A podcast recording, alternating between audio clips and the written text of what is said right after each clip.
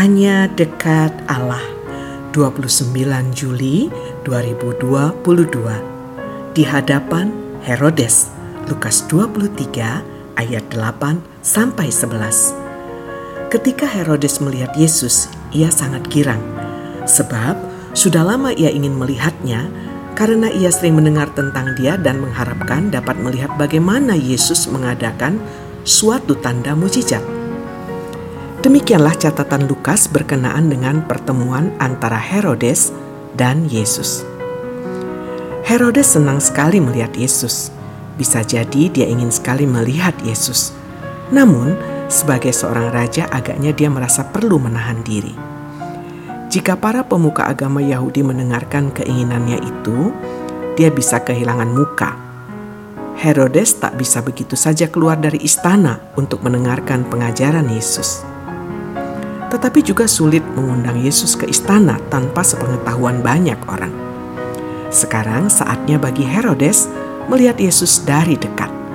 Hanya sayangnya pertemuan ini bukanlah pertemuan yang seimbang.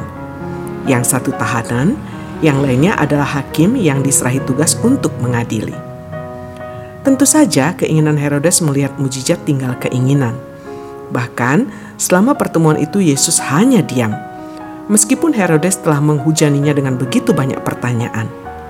Kediaman Yesus tampaknya membuat Herodes kesal, dan rasa girang menyambut idola pun berubah menjadi olok-olok.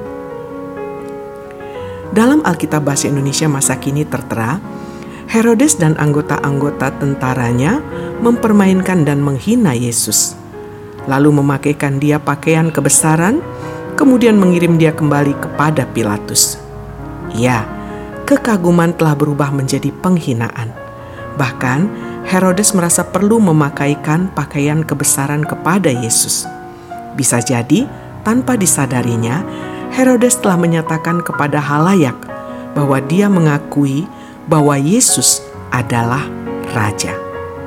Salam semangat dari kami, literatur perkantas nasional. Sahabat Anda bertumbuh.